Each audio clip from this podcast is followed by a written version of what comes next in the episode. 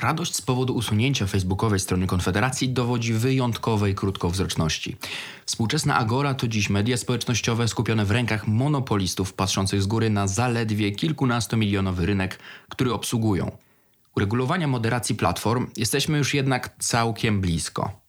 O wiele trudniej za to będzie sprawić, by partie polityczne, organizacje i sami politycy nie wykorzystywały polaryzujących i podnoszących temperaturę konfliktów algorytmów w swoim własnym interesie. Dzisiaj na internetowej debacie wygrywają głównie radykałowie czy manipulanci, a zarabia meta. Witam w Septechu, podcaście Klubu Jagiellońskiego, w którym z pewnym sceptycyzmem patrzymy na politykę technologiczną i trendy rozwoju świata cyfrowego. Ja się nazywam Bartosz Paszcza, nasz program wydaje mi dzięki naszym wspaniałym darczyńcom, którym serdecznie dziękuję, oraz montażyście Konradowi Trzebickiemu.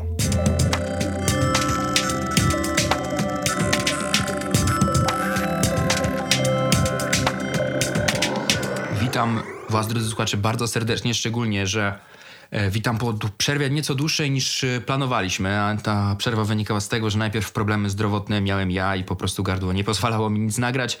Potem problemy miał nasz montażysta. Na szczęście wszystko już jest ok. No i w związku z tym na początek tego roku Wam też e, życzę serdecznie dużo zdrowia i żeby ta kolejna nadchodząca, już rozpędzająca się fala COVID-a Was i Waszych bliskich ominęła. A jeszcze na koniec dodam, że już prawie mieliśmy gotowy odcinek na poprzedni tydzień. Odcinek nagrany wspólnie z podcastem Kultura Poświęcona, ale niestety błędy techniczne spowodowały, że to nagranie e, nam się nie udało. Rozmowa była całkiem miła, ale niestety e, nie uda nam się jej e, wyemitować. Pozostaje mi więc polecić podcasty Klubu Jagiellońskiego. Pamiętajcie, że jest międzymiastowo, jest kultura poświęcona i jest po amerykańsku. Wszystkie te podcasty na różne tematy według mnie warto słuchać. Ja zresztą słucham regularnie. A teraz przejdźmy do odcinka. Firma Meta lekką ręką usunęła profil Konfederacji z Facebooka. To wymagający naprawdę solidarnego potępienia przykład interwencji Platformy w działalność legalnej partii politycznej w Polsce. Firma zrobiła to uprzedzając, bez y, żadnego oficjalnego trybu, ministra odpowiedzialnego za cyfryzację w kancelarii premiera Janusza Cierzyńskiego, ale już y, nie samą Konfederację, która o tym, że zostanie zablokowana, zostanie usunięta, dowiedziała się właśnie z tweeta ministra Cieszyńskiego. Partia nie otrzymała też precyzyjnego wytłumaczenia, które konkretnie posty naruszają, które konkretnie punkty regulaminu dostała ogólną informację o naruszeniu standardów społeczności, dokładnie taką, jak dostaje każdy z nas, jeśli nasz post zostaje zablokowany, czy post czy profil zostaje zablokowany lub usunięty. Jaka jest ścieżka odwołania od tej decyzji? No cóż, taka sama jak każdego przeciętnego użytkownika. Mogą konfederaci napisać do wsparcia technicznego, które z powodu ogromnej liczby spraw może odpisać z opóźnieniem, o czym zresztą zdaje się uprzedza w, przy wypełnianiu właśnie formularza odwoławczego. Zasady określające granice tego, co dozwolone w debacie, nie wyznacza więc już nam krajowe prawodawstwo, ale moderator pracujący dla firmy pochodzącej z Doliny Krzemowej i podporządkowanej wewnętrznym regulacjom tej firmy. To strukturalny problem demokracji peryferii, która rozwija się w dużej mierze w niezależnej od lokalnego prawodawstwa i państwowych instytucji sferze wirtualnej. Krótka chwila przerwy, dosyć istotnej ten dzisiejszy odcinek będzie przeczytanym, będzie przedstawieniem tekstu, który wspólnie z Bartoszem Brzyskim napisaliśmy na portal Klubu Jagiellońskiego, więc oczywiście poza podcastami klubu polecam zaglądać na nasz portal. Ten tekst ukazał się parę dni temu, dotyczył właśnie sprawy usunięcia profilu Konfederacji przez Platformę. Wracam dalej. Wiele osób będzie się zrzymać, y, że jest to tylko problem, że ten problem usuwania, problem moderacji to jest tylko problem prawicy walczącej z y, wyimaginowaną lub nie lewicową agendą zachodnich korporacji. Ale jeśli spojrzymy głębiej, to przeczy temu zarówno afera Cambridge Analytica, która przecież działa na rzecz sztabu Donalda Trumpa, jak i na przykład ban dla zdecydowanie nieprawicowej przecież społecznej inicjatywy narkopolityki. Ban, e, w którym Fundacja Panoptykon e, wspiera społeczną inicjatywę narkopolityki już od paru lat, procesując się, próbując wszcząć proces i wygrać z Facebookiem cofnięcie tego banu. Swoją drogą polecam śledzić tą inicjatywę, ten, ten proces na stronach Fundacji Panoptykon, bo są tam całkiem ciekawe smaczki, jak na przykład ten, że okazuje się, że firma wówczas Facebook, a dzisiaj już Meta, nie rozumie języka polskiego i pism prawnych e, wysłanych w języku polskim i trzeba je wysyłać wyłącznie w języku angielskim. Wchodzenie w kolizję między staniem po stronie praw człowieka, a współpracą z państwami autorytarnymi czy objętymi sankcjami, popieranie kandydatów politycznych i współpraca z ich przeciwnikami to w biznesie granice często przekraczane. Tym bardziej więc wiara w taki korporacyjny mesjanizm, który naprawiać ma deficyty lokalnych władz w rządzeniu tą sferą publicznej dyskusji, jest wyjątkowo krótkowzroczna. Najcelniej ujęła to na Twitterze Małgorzata Fraser, którą serdecznie pozdrawiam, w takim krótkim poście. Cieszycie się, że zniknęła z Facebooka strona Konfederacji? To dziwne, bo jutro może zniknąć i wasza. Nowa era walki o media. Komunikacyjna rewolucja, jaka w ostatniej dekadzie dokonała się w masowej skali, unieważniła wiele dotychczasowych diagnoz. Spór o polskość mediów z roku na rok traci na znaczeniu, a projekty takie jak ostatni Lex TVN będą miały coraz mniejszy sens, bo i rola tradycyjnych mediów w kształtowaniu społecznych postaw będzie sukcesywnie spadać. Średnia wieku widowni tradycyjnych telewizji staje się coraz wyższa, a młode pokolenie swoje polityczne poglądy i informacje pobiera i kształtuje za pośrednictwem influencerów na Instagramie, Facebooku, TikToku, YouTubie czy Twitterze. Jak pokazują próby, na przykład twórców portalu Albigla, stworzenie konkurencji dla światowych gigantów kończy się groteskowo. Dlatego o ile debata o przejmowaniu tradycyjnych mediów i pakiecie kontrolnym akcji, przynajmniej w teorii jest jeszcze możliwa, o tyle technologiczni giganci wymykają się nam poza ramy państwowej kontroli. I to nie tylko kontroli kapitałowej, ale też tak naprawdę, co widać po tym przykładzie, kontroli regulacyjnej nad tym, jak działają. A to właśnie w internecie w kolejnych dekadach będzie się rozgrywać walka o polityczne dusze wyborców. Dyskusja o wolnym rynku prywatnych dostawców internetowych usług, ta, która przetoczyła się szczególnie po, po banie dla Konfederacji, przypomina dziś próbę definiowania nowoczesnego konfliktu zbrojnego tymi samymi kategoriami, jakiej użylibyśmy wobec wojny XIX-wiecznej. Dziś, żeby nazwać coś konfliktem, nie możemy przecież czekać, aż na równym, ubitym polu bitwy staną równe rzędy ubranych w kolorowe mundury wojsk e, z wielkimi sztandarami i zaczną do siebie strzelać. Bo w dobie konfliktów hybrydowych po prostu takie rzeczy się nie dzieją. Platformy zajęły monopolistyczne miejsce w centralnym miejscu naszego życia społecznego, ustalając normy tego, co mieści, a co nie mieści się w ramach debaty publicznej podejmują decyzję o banie wobec legalnie działającej partii politycznej, na którą głosować chce około 10% zadeklarowanych wyborców, która ma swoich przedstawicieli w parlamencie. Co więcej, robią to nie podając precyzyjnego uzasadnienia i ścieżki odwoławczej.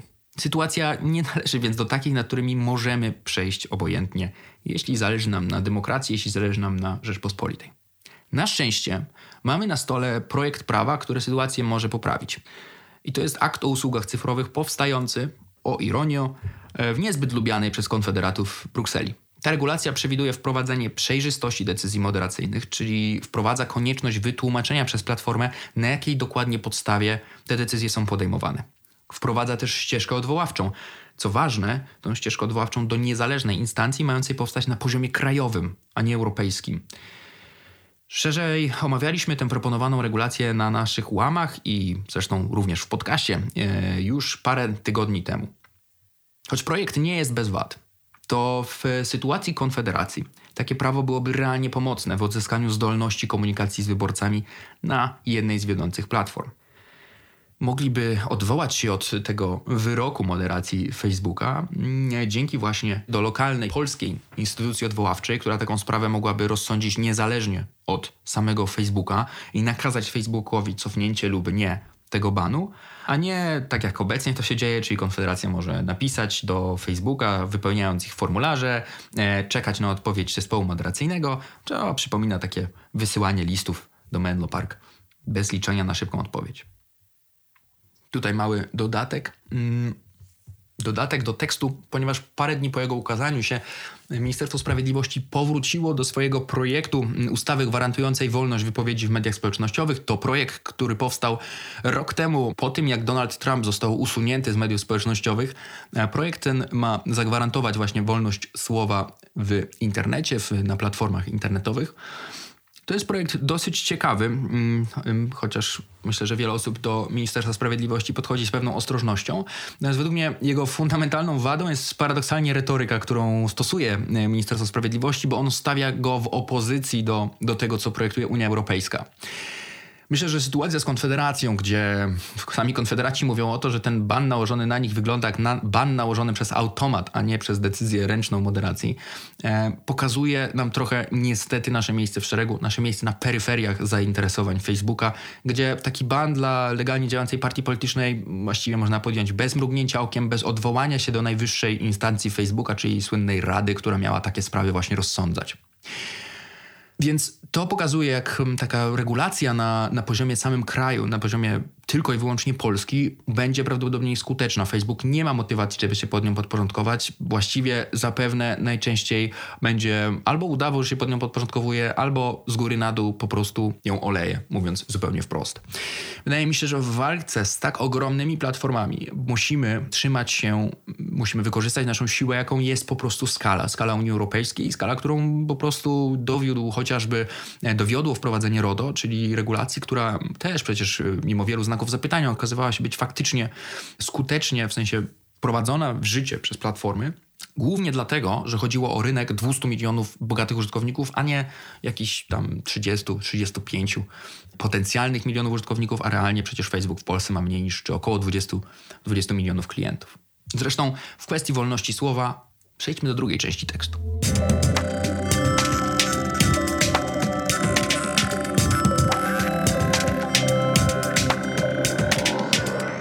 Konfederacja na banie nie traci. Działania Facebooka są w najwyższym stopniu godne potępienia. Że Konfederacja na banie, który myślę, że wkrótce zostanie cofnięty, wcale nie traci. Partia w mediach społecznościowych uczestniczyła w pewnej rozgrywce z Facebookiem i rozgrywce z nami, społeczeństwem. Problemem są szkodliwe algorytmy, promujące często treści kontrowersyjne i takie wzbudzające silne emocje. Oczywiście celem algorytmów jest y, utrzymanie naszej uwagi, jest y, zamienienie tej uwagi na oglądanie reklam, na których zarabia firma matka. Facebook zapowiadał od długich miesięcy zmianę tych algorytmów, zmianę taką, żeby te, te skutki uboczne, właśnie promowanie treści kontrowersyjnych, promowanie treści wzbudzających silne emocje, ograniczyć. Ale według dokumentów wyniesionych niedawno z firmy przez Frances Hogan, Zmiany w algorytmach doprowadziły jedynie do, uwaga, zwiększenia rozprzestrzeniania się i algorytmicznego promowania treści kontrowersyjnych. Profile Konfederacji w odniesieniu do COVID-u dosyć świadomie w tę rozgrywkę z algorytmami grały, balansując na granicy kontrowersji, prawdy i fałszu. Na kontrowersji zyskiwała zasięgowo Konfederacja, bo te treści były właśnie kontrowersyjne, emocjonalne, w związku z tym pokazywały się większej liczby użytkowników, więc to sobie klikało, komentowało, nawet jeśli krytykowało. A na tym wszystkim zarabiała Meta. Winę za kształt algorytmów ponosi, dla jasności, w 100% firma z Doliny Krzemowej. Ale za ich wykorzystywanie do partykularnych celów moralną odpowiedzialność ponosi polska partia. Konfederacja na byciu kontrowersyjną w mediach społecznościowych nie mogła bowiem stracić. Jeśli Facebook i inne platformy pozwolą jej działać, to posty dzięki kontrowersyjności będą docierać do większej grupy potencjalnych wyborców. Jeśli Meta podjęłaby jakieś działanie, na przykład takie jak w ostatnich dniach ograniczenie zasięgów czy ban, to Konfederacja, dokładnie tak jak widzimy to teraz, zyskuje publiczną sympatię za walkę z cenzorskim gigantem. Żyjemy w rzeczywistości, w której już nie tylko media, ale i partie polityczne nie mogą stracić na kontrowersji testowaniu granic społecznej wytrzymałości. Nawet jeśli przełożenie tego na głosy wyborców nie jest proste, to sondażowe odbicie Konfederacji potwierdza, że dotarcie do wyborcy jest pierwszym i koniecznym krokiem do przekonania ich do głosowania. A robienie zasięgów na portalu takim jak Facebook to do, potencjalne dotarcie do właśnie kilkunastu czy nawet ponad 20 milionów potencjalnych wyborców. W swoim oświadczeniu Konfederacja pisze, co następuje. Nie twierdziliśmy, że śmiertelność na COVID jest taka sama lub mniejsza niż grypy, że szczepionki na COVID nie zapewniają żadnej odporności. Koniec cytatu. Być może do stwierdzenia o żadnej skuteczności szczepionek Konfederacja się nie posunęła, ale to właśnie oficjalny facebookowy profil Konfederacji umieszczał posty na przykład stwierdzające, że, początek cytatu, szczepienia na COVID-19 nie zatrzymały transmisji wirusa, a osoby zaszczepione również się zarażają i roznoszą wirusa. Więc konkluzja jest oczywista: segregacja sanitarna nie ma sensu. Koniec cytatu. No i w rzeczywistości wiemy dzisiaj, szczepienia nie zatrzymały transmisji. Ale wiemy też, że zmniejszają jej prawdopodobieństwo, czyli ograniczają transmisję. Osoby zaszczepione zarażają się często, szczególnie nowymi odmianami wirusa, ale również z mniejszym prawdopodobieństwem. Podobnie mniejsze są szanse, że przejdą zachorowanie ciężko, obciążając tym samym system ochrony zdrowia, który, jak wiemy, właściwie od dwóch lat operuje na granicy swojej wydolności. Nic dziwnego, że ten post Konfederacji zacytowany powyżej portal Demagog uznał za manipulację. I nie jest to jednostkowy wypadek przy pracy. Poseł Brown twierdził na przykład, że objawy wariantu Omikron, tutaj cytat, są w zastanawiający sposób zbieżne z niepożądanymi odczynami poszczepiennymi. Koniec cytatu. Taka informacja no, nie znajduje zbyt poważnego potwierdzenia w rzeczywistości, mm, poza jakimś jednym screenshotem i rzekomą, chociaż pozbawioną źródła, informacją na ten temat przekazaną, czy mającą być przekazana przez rząd Botswany.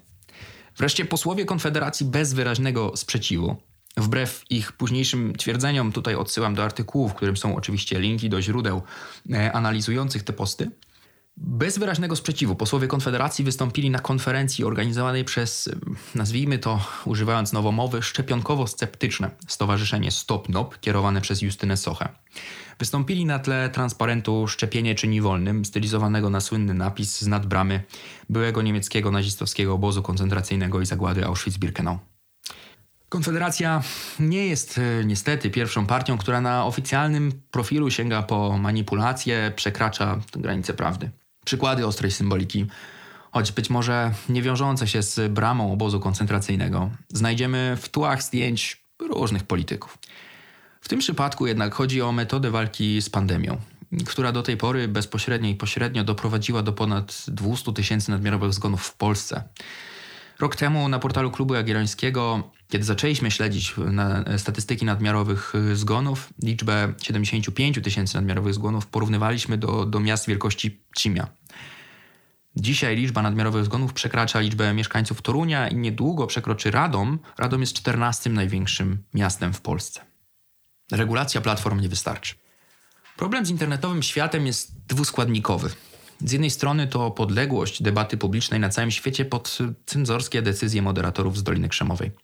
Z drugiej to ludzie, organizacje i partie, cynicznie i bezkarnie wykorzystujące wady rządzących przepływem informacji algorytmów do swojego partykularnego interesu i wbrew interesom społecznym. Podsumujmy. Ban nałożony przez Meta profilowi Konfederacji jest skandaliczny. Dlaczego? Ponieważ nie został wyczerpująco uzasadniony. W praktyce możliwości odwołania są ograniczone i niestosowne dla legalnie działającej partii politycznej, e, która jest obecna w parlamencie, nie jest nawet jakąś kanapową partią. Ten ban stanowi przykład braku spójności działań Facebooka. Jeśli usuwamy Konfederację, to dlaczego na przykład profil wspomnianej już Justyny Sochy nie został zdjęty?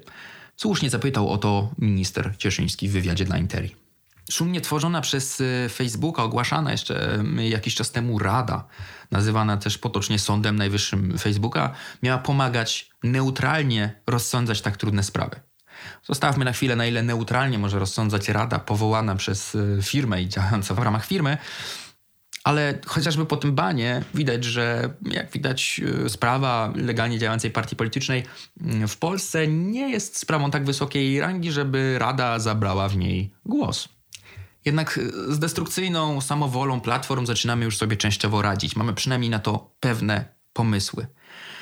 Na poziomie krajowym nasze możliwości wymuszenia czegoś na Facebooku są po prostu bardzo skromne. Um, oczywiście, jeśli nie chcielibyśmy drogą Rosji i Chin izolować się całkowicie od internetowego świata zachodu, na co umówmy się, po prostu nie mamy szans, środków i możliwości.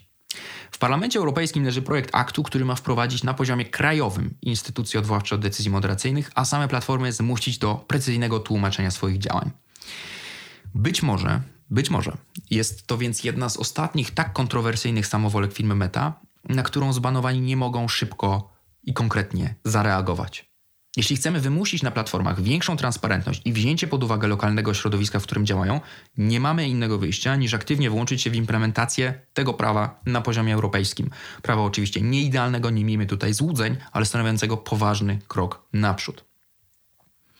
Problem w tym, że nawet jeśli to zrobimy, to zostaniemy w rzeczywistości, w której przekaz informacyjny sterowany przez algorytmy nadal będzie premiował podkręconą kontrowersyjność, często zahaczającą manipulację, a ocena zawsze będzie należeć do moderatora.